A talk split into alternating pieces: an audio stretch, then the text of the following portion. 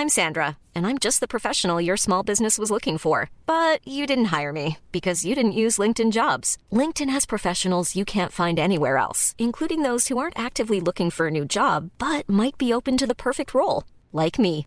In a given month, over 70% of LinkedIn users don't visit other leading job sites. So if you're not looking on LinkedIn, you'll miss out on great candidates like Sandra. Start hiring professionals like a professional. Post your free job on linkedin.com/people today. Hey Dave. Yeah, Randy. Since we founded Bombus, we've always said our socks, underwear and t-shirts are super soft. Any new ideas? Maybe sublimely soft. Or disgustingly cozy. Wait, what? I got it. Bombus. Absurdly comfortable essentials for yourself And for those facing homelessness. because one purchased equals one donated. Wow, did we just write an ad? Yes. Bombas. Big comfort for everyone. Go to bombas.com slash ACAST and use code ACAST for 20% off your first purchase.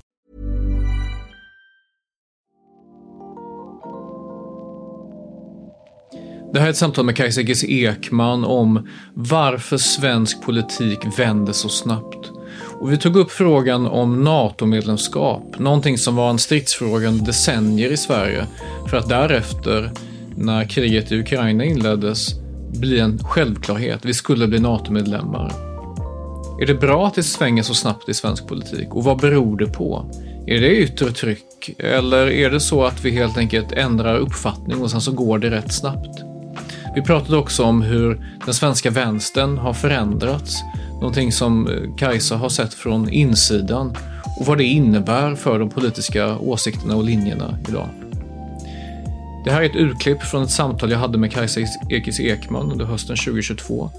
Under sommaren kommer vi att sända urvalda, intressanta delar från tidigare avsnitt och vi återkommer med nya avsnitt igen och ny säsong den 21 augusti. Kajsa, eh, vad, vad är din tanke om att i Sverige så svänger det väldigt, väldigt snabbt i politiska frågor? Jag tänker på någonting som, som du har skrivit en del om eh, i det här med, liksom, med säkerhetspolitik och i Sverige så under hela min uppväxt, under hela mitt liv egentligen så var NATO var så tydligt en vänster-höger-fråga. Och, och säkerhetspolitik, det fanns en tydlig uppdelning, jag minns när Israel Palestina-frågan var en, stor, en stor grej och så. Ehm, och ja, det var väl mycket 1900-tal. Och sen över, egentligen över en natt, liksom, över några månader, så, bara, så blev i stort sett att höra till den gamla linjen, liksom, att vara NATO-kritisk och så, det blev i princip, jag nu, nu hårdrar jag, men det blev i princip att vara landsförrädare. Hur, hur tror du det kunde gå så snabbt? Ja, du, men först vill jag bara säga tack så hemskt mycket för att du bjöd in mig hit och jag är verkligen hedrad att få vara med i den här podden. Eh, Så tusen tack Adam. Och eh, ja, jag har också funderat över det där, för det hände så snabbt och utan debatt. Ehm, jag håller på att läsa nu Jan Eliassons biografi där han beskriver ja, men, sin karriär då inom svensk utrikespolitik och inom diplomati och sånt. Och där han beskriver, på 70-talet ville ju inte Sverige ens gå med i Europeiska gemenskapen på grund av att man såg att det skulle äventyra vår alliansfrihet, som vi ändå har haft nu i 200 år. Så det är ju väldigt länge. Och att det var, det var självklart att vi skulle vara alliansfria. Och eh, det jag tycker är konstigt är att det har skett utan någon debatt i stort sett. Och det är ju något nytt i Sverige, för att alla andra stora beslut, euron, EU och så, då har det ju varit folkomröstningar och man har haft debatt och det har varit så här folkbildande process där oavsett eh, liksom, hur det går i folkomröstningen, så bara det att man går på stan och ser någon som står med flygblad och delar ut och man diskuterar och i civilsamhället, inom organisationer sådär. Och man sätter sig verkligen in i olika traktat. Vad betyder det här? Eh, och nu får det inte ens vara debatt. Och jag tycker också det är intressant hur liksom framstående intellektuella och ledarsidor, Aftonbladets ledarsida bara liksom ändrade sig på en gång, utan att egentligen förklara varför. Och när man liksom frågar varför, ja men nu är det ett eh, nytt läge, nu är det kris, nu är det krig. Ja, och det var ju precis därför vi hade alliansfrihet. Alltså, hela poängen med den var just att särskilt i kristider och i krigstider så ska man inte blanda sig in, liksom, utan då ska man hålla huvudet kallt och stå utanför. Ehm, så det är ju en ny hegemoni vi ser på många sätt. Eh, och jag tycker ganska oroväckande för vår egen debatt och vår framtid också. Att Nu känns det plötsligt som vår utrikesminister heter Erdogan. Hur gick det till?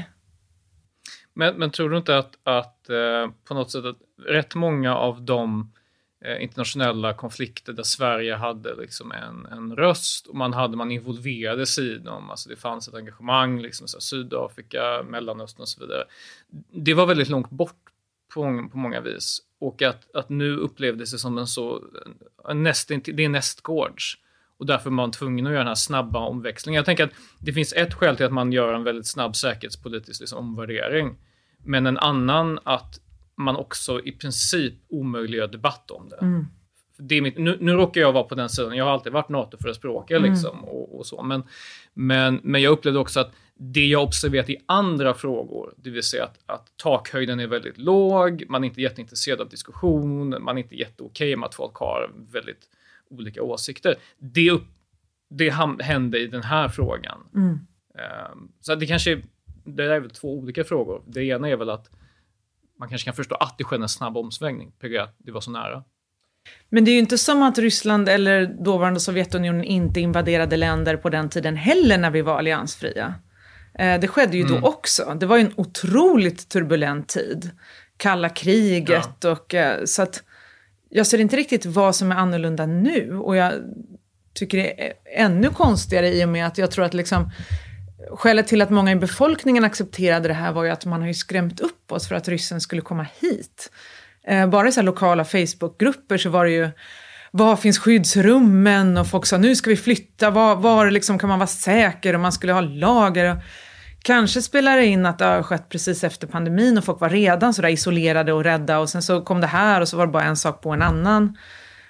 Um, men, men jag tycker det är anmärkningsvärt och också det att man inte har tagit någon riktig debatt som jag förstår inom partierna och att det inte riktigt finns i Sverige idag en utrikespolitisk opposition.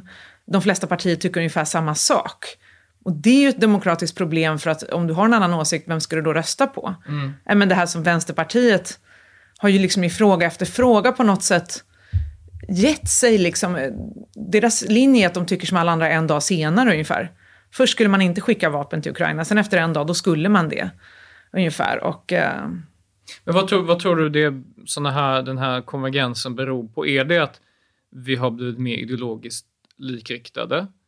Eller beror det på någonting helt annat? För jag har lite svårt att förklara, för att un, under min livstid så har det skett en... Den vänster som jag så att säga, växte upp jämsides med eh, och bitvis till, tillhörde, men väldigt, väldigt lite. Det är en väldigt annorlunda vänster än den som finns idag. Även så här, kärnan finns kvar, det är klart vänster-höger-frågor är fortfarande väldigt centrala, men det är väldigt mycket mer homogent i offentligheten mm. på många sätt. Ja, och det är jättetråkigt. Det är jättetråkigt. Det finns en en stor nervositet och ängslan för att tycka annorlunda. Folk vågar inte pröva tankar offentligt. Eh, man är väldigt snabb på att döma. Men jag skulle säga att det handlar inte bara om vänstern. Alltså Sverige är ju ett annorlunda land.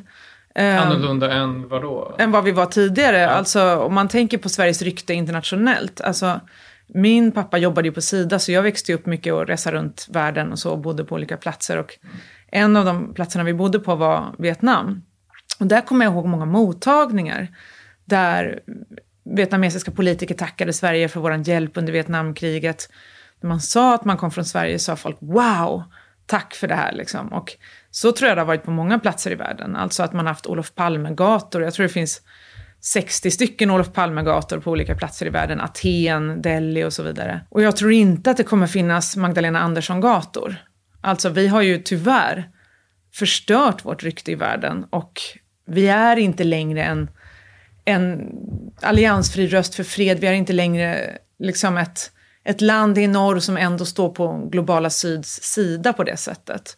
Det tror jag började redan med Reinfeldt, när man skulle använda då våran goodwill för att sälja svenska produkter och fixa kontrakt för svenska företag. Och det var ju ganska pinsamt att se när han åkte då runt till de här mottagningarna och folk tackade Sverige för hjälpen under liksom avkoloniseringsprocessen. Och så, ja, ja visst, visst, men liksom, nu har vi här Ikea, Ericsson liksom, som vill starta eh, verksamheter. Här kan vi prata om det ungefär. Och att man ändrade biståndet så att det ska liksom, på något sätt gynna svenska företag. Så det är en process som har skett under lång tid. Och jag tror också med EU-medlemskapet att Sverige har inte längre en röst, så en, e- en, en egen röst. Utan man säger EU någonting, då säger Sverige också det. gentemot resten av världen, då, afrikanska länder, liksom, latinamerikanska länder. Och inte det lite konstigt ändå att, att för en, en ja, men på 90-talet, då fanns det ju en tydlig vänsteropposition mot, mot just EU-medlemskapet. Mm. Alltså även ifall Visst högerhåll har man sett att ja, men, men EU är liksom en överstatlig, det kommer styra, det kommer detaljstyra. Så det finns den kritiken från liberalt håll. Men från vänster fanns ju eh, den, den rätt skulle jag säga, befogade misstanken att EU kommer pådyvla oss regler och system som vi inte kan besluta över här längre lokalt. Och jag tyckte det var rätt naturligt att det var en, liksom en mer nästan en, en vänsterfråga. För att nu råkade EU faktiskt i mångt och mycket införa rätt, ja, men rätt mycket liberal lagstiftning på en, en rad områden. Mm. Men, men varför försvann det? Och när, i och med Brexit, då blev det ju egentligen så att, att det är dumt av britterna att göra det där. Mm. Eh, eh, för att de vill syssla med sin konservativa politik på egen hand. Att det blir som en vänsterposition nästan. Att förorda att ja, men vi ska hålla ihop i EU. Men samtidigt så är det ju Eh, det har ju på många sätt är problematiskt för demokratin. Varför försvann det? Alltså, vi, vi, delvis var det väl för att vissa av de här kända rösterna som Sara Lidman, de dog ihjäl helt enkelt, så de finns inte kvar. Och så kom det nya generationer. Um, och sen tror jag också att det är så att, jag menar, högern har alltid dominerat de stora tidningarna, stora medier. Vad vänstern då och antiimperialistiska rörelser på 60, 70, 80 90-talet till och med hade var ju folkrörelserna. Man hade aktiva folkrörelser där man bildade sig själv, man gick på studiecirklar. Ehm, alltså vanliga arbetare bildade sig och var med i studiecirklar där man verkligen satt och pluggade alla de här frågorna. Och, jag tror att om vi hade haft en folkomröstning om NATO, då hade man nog försökt göra det igen. För att om både EU och EMU så var det ju verkligen sådär att man, man tryckte upp eh, de här pamfletterna och så läste man dem tillsammans och lärde sig. Och nu finns inte det riktigt kvar. Och jag tror att utan folkrörelserna så har ju inte vänstern någonting att sätta emot borgerlig media och då sätter de liksom agendan. Och sen måste man anpassa sig. Och jag tycker framför allt, jag har varit jättekritisk mot hur Vänsterpartiet agerade kring Brexit. Jag kommer ihåg att jag pratade med Jonas Sjöstedt om det och då sa han när de gick ur, när de röstade nej, jag tog en skål i tysthet. Liksom, men vill inte säga det offentligt. Offentligt var det så här, nej det här var dåligt för det var rasister som dominerade den här kampanjen. Ja, det kan mycket väl vara sant, men är det objektivt sett bra att vara med i EU eller inte? Eh, det är ju det som är frågan, inte varför de gick ur, mm. utan är det bra att vara med i EU? Och då hade de fattat ett beslut att man skulle inte då driva på för att Sverige skulle gå ur eller ens ta upp frågan, man skulle lägga ner den här frågan. För man vill inte associeras med de här högerextrema kampanjerna. Och det tycker jag är så konstigt sätt att resonera. Att man liksom inte fattar beslut på grund av då liksom sakfrågan, så är det bra eller dåligt, utan associations, liksom guilt by association, typ vi vill inte vara som dem.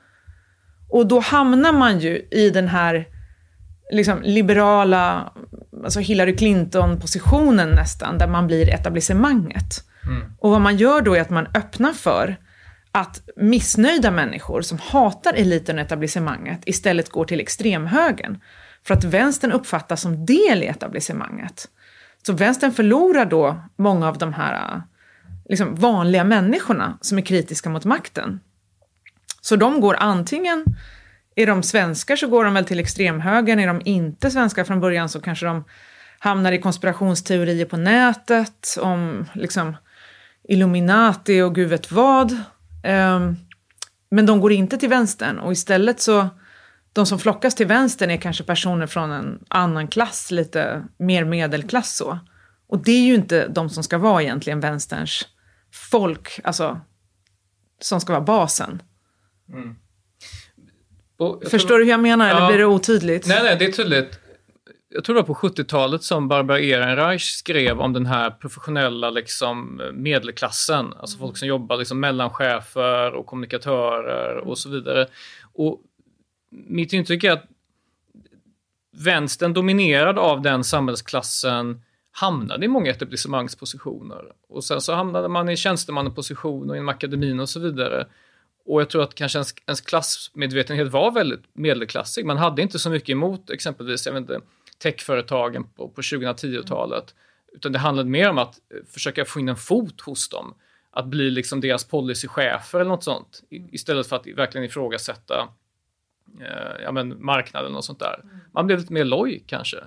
Och därför har man, man ser inte att man har så mycket att förlora med EU. Man vill hellre bli en del av det. Eh, jag vet inte om det är något så, så simpelt eller om man faktiskt fick en, en större åsiktskonvergens liksom, med många liberaler. Mm. Det kan vara en del av förklaringen. Sen tror jag att det är att i takt med att klyftorna har ökat i Sverige, som har ökat enormt, alltså mer än i andra västländer om man jämför. Sen var det ju ganska jämlikt från början, så de är ju inte lika stora ändå, men att de har ökat så mycket. Och det tror jag, man kan ju bara titta på sin egen eh, historia. Om man tänker på de som man gick i samma klass som, så har det ju gått jättebra för vissa, jättedåligt för vissa, liksom, och det har glidits isär otroligt mycket i samhället. Det var inte lika stora skillnader förut, och det har effekter för den politiska organiseringen. Eh, det syns i ungdomsförbunden, där det i stort sett är i mångt och mycket samma typ av människor som går med i de olika ungdomsförbunden. Jag har ju varit och föreläst för Centerns ungdomsförbund, eh, SSU, alltså vänstern, liksom, MUF också. Så här, och jag tycker man ser väldigt små skillnader ibland. Eh, Vad- vad är det I för klassbakgrund liksom. Vad är det för sorts klassbakgrund då? Nej men det är mycket medelklass, medel och överklass, kanske mer överklass hos borgarna då, men det är fortfarande hos vänstern liksom, jo, SSU kanske på landet så kan du fortfarande se arbetarklass, men många är, mycket är det liksom strebers och folk som bäst i klassen, och det skapar i sin tur en kultur. Eh, hur man tänker kring, kring samhällsfrågor, hur man pratar om samhällsfrågor. Så kommer det liksom någon från orten in dit så kanske den personen känner så här, men gud vad är det här för konstiga människor? Liksom, här hör inte jag hemma. Eh, och sen förstärker det sig själv. Och så ja, 10-20 år senare så har du liksom ungefär en, en politisk klass som är rätt likadan.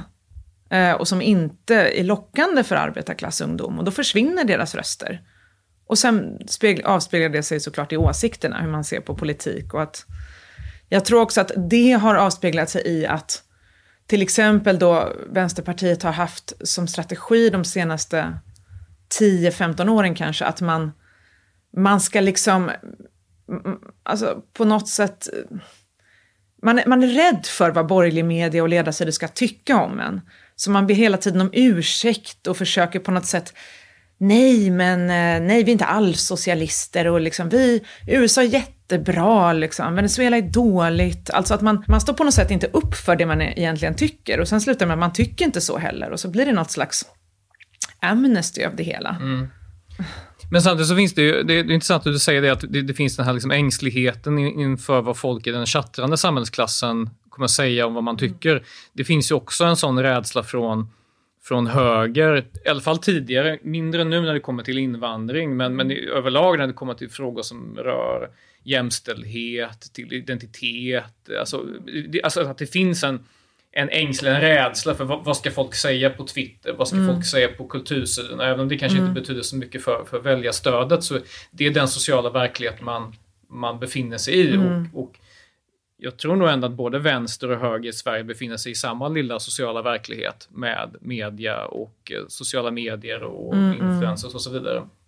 Och att det finns en, det finns en sorts en märklig politisk korrekthet som både drabbar vänster och höger. Eh, som ideologiskt är väldigt oklar egentligen. Jo, precis. Och hur har, den, hur har det blivit så kan man ju fråga sig. Alltså, skillnaden är att högern har också ledarsidorna. Så att när, när liksom, säg att Nooshi eller Jonas uttalar sig om någon utrikespolitisk fråga och så kommer det nästa dag den här obligatoriska artikeln, liksom, Stalin, ni är Stalin. Liksom. Oj, då blir de jätterädda. Nu måste vi svara Men på det här. det, tror du? Bry- Bryr de sig om vad, vad, om vad, om vad som står på ledarsidan? Liksom? Ja, de gör det för att jag tror att förr i tiden, då kunde man skita i det där, för då hade man folket. Man hade en aktiv och organiserad folkrörelse Eh, som var på gatorna, som eh, ja, skrev, det fanns kanske inte sociala medier då, men som skrev och demonstrerade. Alltså jag tror de här eh, sista stora demonstrationerna, ja, det var Göteborg, sen var det mot Irakkriget, sen var det mot rasism i Kärrtorp. Alltså att man hade närvaro ändå på gatorna där det var, vi har stöd här, vi har folket, så vi skiter i vad ni säger på någon unken ledarsida som ingen läser. Men nu förhåller man sig till det tror jag på ett, Eh, ja, mera i alla fall. Och då backar man hela tiden och sen till slut har man ingen egen linje. Men, men eh, jag tror du inte att, att sociala medier nästan har inneburit varit viktigare där. Alltså nog för att man får reaktioner i liksom klassiska traditionella medier, men, men eh, reaktionen är så oändligt mycket snabbare ifall det blir drev på nätet och det är också det som eh, alltså jag har ju varit med om att eh, vi har någon skribent som någon inte tycker om och sen så liksom så fort det blir lite, lite drevig stämning mm. då blir man på redaktionerna jäkligt nervös och jag tror inte att det är annorlunda på, inom partier. Eh, ett exempel var när konservative eh, skribenten eh, och författaren Roger Scruton mm. hade uttalat sig på ett sätt som kunde tas lite ur sin kontext i någon mm. intervju. Det handlade om Ungern och Orban och så togs det ut. Och liksom på några timmar, alltså det var liksom en, en halv nyhetscykel, så var han liksom ute ur de kommittéer som han hade blivit utsedd till av den konservativa regeringen. Alltså det gick så oerhört snabbt. Och det drabbade honom väldigt hårt. Han tyckte det här var, han hade varit med om något liknande. Mm. Um, och att det gör nog att många nästan undermedvetet inte tar ut svängarna eller kanske inte ens behåller sin klassiska position för de vet, de vet vad det kostar. Och jag tror att då får man en oärlig debatt. Eh, för tycker folk egentligen så som de säger att de tycker i frågan? Och om de inte gör det, utan säger något som ska låta okej, okay, då har vi ju flera problem. Dels att vi får en oärlig debatt, vi får inte veta vad folk tycker. Då kan man inte analysera samhället, för då tror man att alla tycker något som de inte gör. Eh, och så går man runt och tänker, jaha, alla tycker så här, tills liksom en dag när det bara skiftar. För då har liksom massa människor i hemlighet gått och haft massa åsikter de inte har vågat säga. Sen plötsligt så kommer det fram. Blir alla tagna på sängen. Oj, tyckte alla ni så? Um, så jag tycker det är bättre då om man liksom kan ha en debatt där man faktiskt har någon slags um, drevkarantän. Alltså det har jag skrivit om förut, men jag tycker liksom att man ska aldrig göra något på grund av ett drev. Man ska alltid vänta typ tre veckor. För ett drev varar bara två veckor. Sen orkar folk inte tänka på det där och sen så börjar de tänka på något nytt. Så jag tycker både liksom tidningar och partier borde ha det som regel att svara inte på några frågor. Ändra ingenting, avgå aldrig. Vänta två veckor, ingenting är liv och död. Sen efter två veckor kan du analysera i lugn och ro. Hur ska vi göra? Var det här något fel? Liksom, hur var det egentligen? Alltså, det var ju som Juholt till exempel som åkte runt på någon slags turné i Sverige och skulle be om ursäkt för några regler som sen visade sig att de knappt fanns. Det var liksom inte så... så um, det var inte något regelbrott det han hade gjort, men han trodde det för alla sa det. Och så åker ju folk till höger och vänster på det här sättet.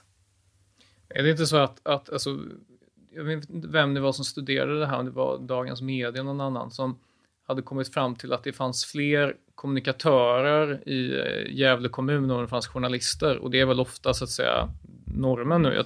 Och jag tänker att, det här är ett par år sedan i och för sig, men mitt intryck är att, och det, i Göteborg är det definitivt så, det finns fler kommunikatörer anställda på kommunen än det finns liksom, journalister på Göteborgs-Posten. Men att i ett samhälle fyllt av kommunikatörer mm. så är det kanske risken rätt stor att eh, ja, man, krishantering ska gå snabbt. Mm. Att, liksom de, att, att stå på sig är ingenting man, man gör, för man är väldigt nervös för den här liksom, folkstormen som man mm. tror det är. Mm. Um, och att det, kan, det, finns, det är ett självspelande piano. Liksom. Det är en, en, en samhällsklass som är väldigt ihopkopplad med, med nyhetsflödet och där går allting väldigt snabbt. Och jag kan märka ibland en skillnad mellan den sociala verkligheten på exempelvis Twitter, bland den mm. chattande klassen, och sen så pratar jag med, med vänner som är har riktiga jobb, det vill säga de har inte ett jobb där de har möjlighet att ta fram telefonen och titta vad som händer i flödet hela tiden, för de är upptagna med vad de nu håller på med. Och för dem så är det så här, ja, det var någonting som hände där för några veckor sedan, jag vet inte. Nej. Eh, men eftersom vi, vi är socialt liksom, präglade av dem vi om, då tror vi att det här är en stor grej. Mm. och därför måste vi eh, så att säga, reagera på ett drev väldigt mycket. Och är man mm. tänker, jobbar med kommunikation, då är man definitivt uppkopplad. Och då är det så här, be om ursäkt snabbt, säga att allting var fel och ja, ja, precis. Ja, ja, precis. Och det där är ju väldigt olyckligt för ett samhälle om det ska vara så. Alltså jag tror att tidigare generationers intellektuella, det hände ju inte dem. Alltså, jag tror att liksom på 60, 70, 80-talet liksom, då hade du folk som Jan Myrdal eller Torbjörn Säve till exempel som kunde säga i ett sommarprat att liksom, ja men Lenin var jättebra liksom. Och det var ju, alltså, då kanske folk tyckte, jag håller inte med. Men det var inte som att han borde inte få finnas, bort med honom, han, vi ska aldrig läsa hans böcker. Liksom, utan så tycker han. Så tycker inte jag. It's okay. Det gör inget liksom. Du kan reflektera över vad någon har sagt och säga så här, jag håller inte med. Sen är det klart att om det visar sig att det är någonting som är alltså, hets mot folkgrupp eller kanske att ett perspektiv dominerar medierna liksom hela tiden så kan man ju fråga sig, jaha, är det här något bra? Men att liksom en person tycker någonting gör ju ingenting egentligen. Och jag vet inte när det blev så att det är något farligt i sig. Att, eller att det gör något för någon annan. Alltså, jag tror inte för mig så gör det inget liksom, om någon annan tycker något annat.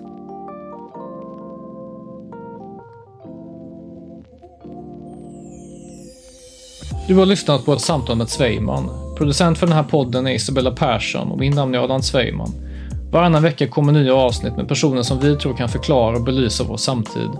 Vare sig jag möter meningsfränder eller meningsmotståndare vill jag att samtalen präglas av öppenhet och intellektuell nyfikenhet. Vår tid har ingen brist på korta, gapiga samtal som inget av värde skapar. Vi vill bidra med något annat.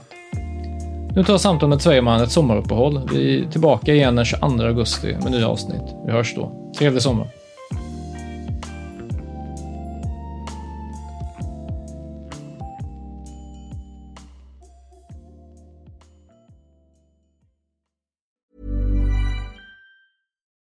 We're on a budget, we still deserve nice things. Quince is a place to scoop up stunning high-end goods for 50 to 80% less than similar brands. They have buttery soft cashmere sweaters starting at $50, luxurious Italian leather bags, and so much more. Plus, Quince only works with factories that use safe, ethical, and responsible manufacturing. Get the high-end goods you'll love without the high price tag with Quince. Go to quince.com/style for free shipping and 365-day returns.